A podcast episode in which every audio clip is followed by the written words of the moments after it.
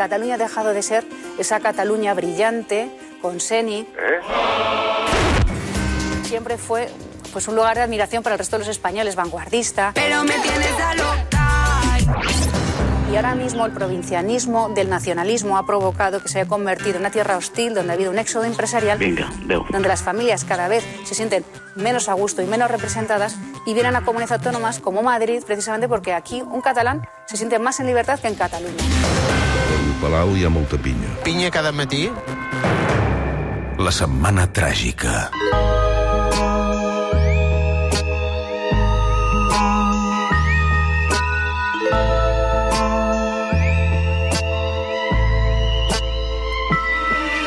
A Londres, Ion Sindreu, columnista del Wall Street Journal. Bon dia, Ion. Bon dia. Malalt, la- temps, eh, això? Malalt encara o no? Sempre, permanentment. Sí? Sí, sí. Vaja. És, és, Però és res greu, eh? Una grip a l'altra. No, no, no és greu. Un virus de, de llar d'infants, que es diu. Sí, exacte. Sí, és una concatenació de virus, eh? de llars d'infants. Sí, sí. Bé, no sé com funcionen els trens a, al Regne Unit, suposo que millor que a Catalunya, perquè venim d'una setmana en què els problemes i les incidències al servei de Rodalies han tornat a atrapar milers i milers de, de persones. Eh, com funcionen els serveis equivalents a Rodalies al Regne Unit, Ion? Bé, no sé si ho sabeu, però aquí, um, o almenys aquesta és la teoria, perquè ara, ara ho matitzarem, però uh, els trens estan totalment privatitzats. Eh? No només liberalitzats, com, com passaria a, a Espanya, oi? En què tens Adif, que gestiona la infraestructura, i Renfe, que gestiona els trens, i, i ara doncs, li estan sortint competidors a, a segons quins àmbits. A l'alta Sinó que velocitat, aquí- no? A l'alta velocitat, sinó que aquí es va privatitzar tot, eh? Primer, eh, és a dir, John Major, seguint l'estela de Margaret Thatcher, va privatitzar per una banda la infraestructura i per altra doncs el que seria la gestió dels trens, que les porten unes empreses que se'n diuen operadores eh, de, de tren, no? a TOCs en, en anglès. Però què passa? Que eh, això no acaba de, de funcionar. Jo no sé si tu has... Eh, quan has vingut a Londres, que tu Sí. això ho fas, eh, tu has agafat el Heathrow Express o un d'aquests? Sí, el, el que et porta del tren al centre ai, de l'aeroport al centre de Londres. Sí, exacte, sí. exacte. Doncs mira, això és un operador privat d'aquests que se'n diuen d'accés obert, que vol dir que hi ha una empresa que bàsicament paga per operar aquell tram. És una mica com l'Eurostar, eh? el, que, el que va per sota el canal, que també funciona una mica així, però la majoria de, de trens d'Anglaterra no, no funcionen exactament així, sinó que tenen el que se'n diu un model de franquícia que vol dir que el Departament de Transport, el govern, subhasta uns contractes, normalment són d'uns 7 anys, i aquests contractes doncs, et diuen quina àrea geogràfica has de servir, de quina manera, a quin preu, a quin horari, fins i tot amb, amb quins trens l'has d'operar. Eh? I llavors tu, com a empresa privada, has de subhastar per aquest paquet complet.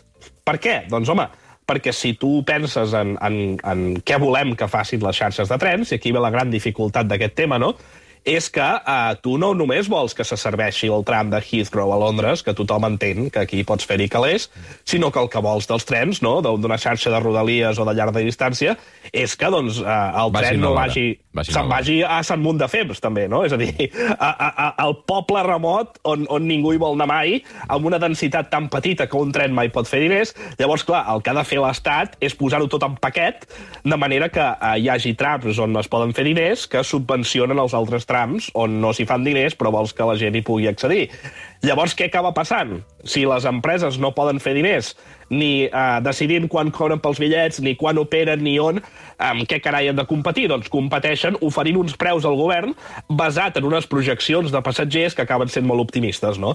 Després resulta que tot és inviable, se'n va pastar fang, i el govern britànic, amb, un, amb el que té que se'n diu un operador d'última instància, doncs ha acabat absorbint eh, moltes franquícies d'aquestes fracassades. De fet, el, la gestió de les infraestructures també va fer fallida i des del 2001 és d'una empresa estatal i eh, amb el Covid això s'ha disparat fins al punt que bàsicament totes les franquícies han fet fallides i s'han nacionalitzat totes. Per tant, ara mateix estem en un model bàsicament nacionalitzat, eh? model ah. xavista. Però l'important és, van a l'hora o no van a l'hora? Perquè jo sí que he tingut la sensació, sempre que he viatjat amb el transport públic del de... Regne Unit, que, que, que la cosa està bastant neta i que va bastant puntual. La gent es queixa bastant, Ah. però jo diria que van una mica millor que, que les nostres rodalies. Sí, però eh, jo crec que el problema no és tant de model, eh, sinó que és el fet de que Rodalies no ha fet les inversions que toca, eh? Vull dir, i, i, i això és un tema endèmic, um, i crec que no té tant a veure amb si és eh, privat o, o, o, o no. eh? perquè al final... Eh,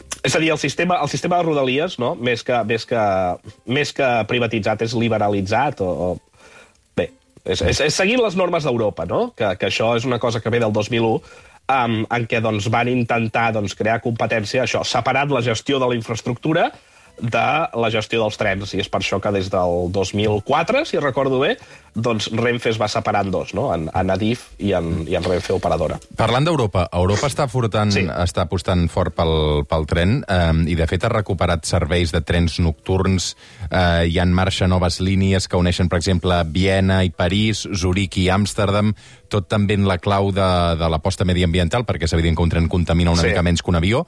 Eh, Sí. Què passa? Perquè a Catalunya tampoc tenim gaires trens nocturns i a la pandèmia es va carregar l'últim tren nocturn que hi havia a Catalunya, la línia entre Barcelona i la Corunya. Ara ja no hi és, això. Tu el recordes, el tren nocturn? Jo havia fet algun viatge llarg amb tren nocturn, com per Sí. exemple fa molts anys, de Sants, crec, a algun punt del País Basc. Jo també, de, Ah, de Bilbao a sí, Sants. Sí. Sants, correcte. Aquest, eh, que era llarguíssim, però potser 14 hores, eh? Sí, sí, sí, eren uns 13-14 hores, eh? I sí. crec que se'n deia el, el tren estrella, no? Una cosa així. I després hi ha aquelles lliteres petites que per un personatge com jo, que medeix més de metre 90, eh, era inviable dormir-hi, perquè eren lliteres com de metre i mig. Sí, sí, sí, i n'hi havia com quatre per, per habitació. Però això no? s'ho estan carregant ja, perquè ja no... No, crec això la mort de fa molt Ah. temps, eh? Ara, ara, en tot cas, estem en el revival, perquè, com tu dius, aquí s'ha fet l'anàlisi de que, mediambientalment, eh, doncs, la, la idea no, és que hi ha molts vols de, de curta duració que es podrien fer en tren i, evidentment, el tren té el problema de que tardes massa. Aquí, de fet, hi ha, hi ha un, un... Jo em vaig fer un article d'això, d'un uh, estudi eh, bastant interessant, fet en part uh, per, per economistes catalans. Un d'ells és en Pere Suau Sánchez, que no sé si... Crec que n'hem parlat amb el Tori alguna vegada en aquest programa, que uh, van publicar molt recentment un article molt interessant en què ells feien una anàlisi basat en Alemanya. I ells et deien, mira, el, el problema que, que es fa amb aquests anàlisis de si podem substituir vols per trens és que no tenim en compte que molts vols no són per anar a destinació, no? Són per anar a un aeroport, allò que se'n diu de hub, i llavors d'aquest aeroport de hub tu te'n vas, doncs no ho sé, a Hong Kong, te'n vas als Estats Units, te'n vas on sigui. Clar, tots aquests uh, viatges han de ser a, a hores determinades uh, i han de ser el que se'n diu intermodals, no? és a dir, tu has de poder anar directament a l'aeroport. Tot això no ho pots substituir amb els trens, o molt sovint no es pot substituir amb els trens.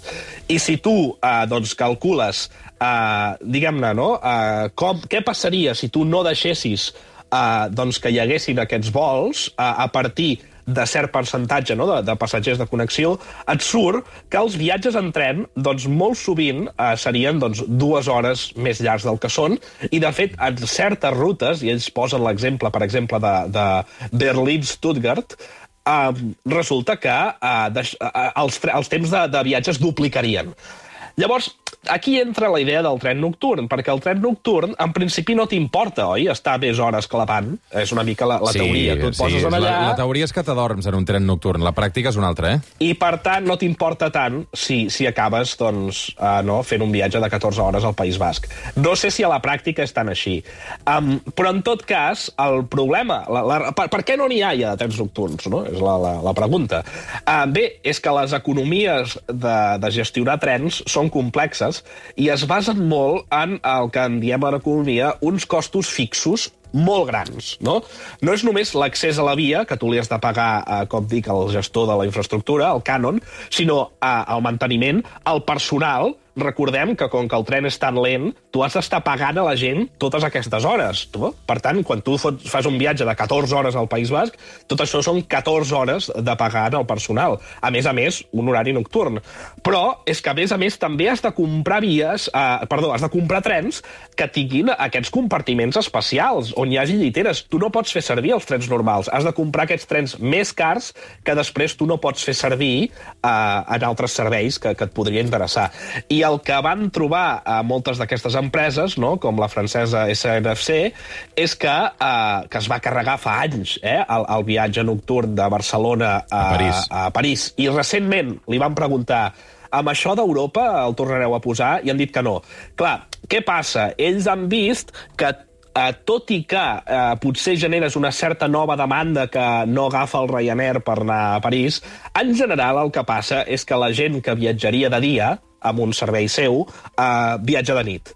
Llavors, el que estàs fent és canibalitzar demanda no? de la que va diurna per anar a la nit, que, com dic, és un servei amb un cost fix encara més car. Això no els interessa eh, perquè la, la clau d'operar un tren eh, amb beneficis és que, com dic, eh, necessites una ocupació, posem, del 50% només per pagar tots els costos fixos que tu has hagut de sufragar i, per tant, si tu et canibalitzes no, eh, un, un tren amb un altre tren, no té sentit no, pagar dues, dues vegades aquests costos fixos.